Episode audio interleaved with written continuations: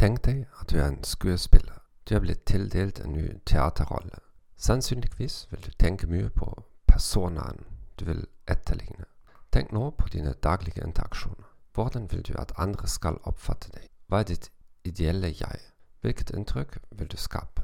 Hvilken energi ønsker du å overføre til andre mennesker? Hva vil du at andre skal tenke om deg? Et dokument som gir svar på spørsmålene ovenfor, din egen personabeskrivelse.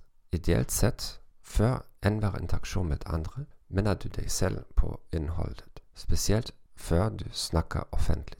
For mange kan dette høres merkelig ut. De sier 'jeg oppfører meg alltid i henhold til mitt sanne jeg'. Vel, har du observert dette fenomenet? Når noen ser videoopptak om seg selv, sier han ofte 'dette er ikke meg'. Lekse. Skriv den første versjonen av din egen personabeskrivelse.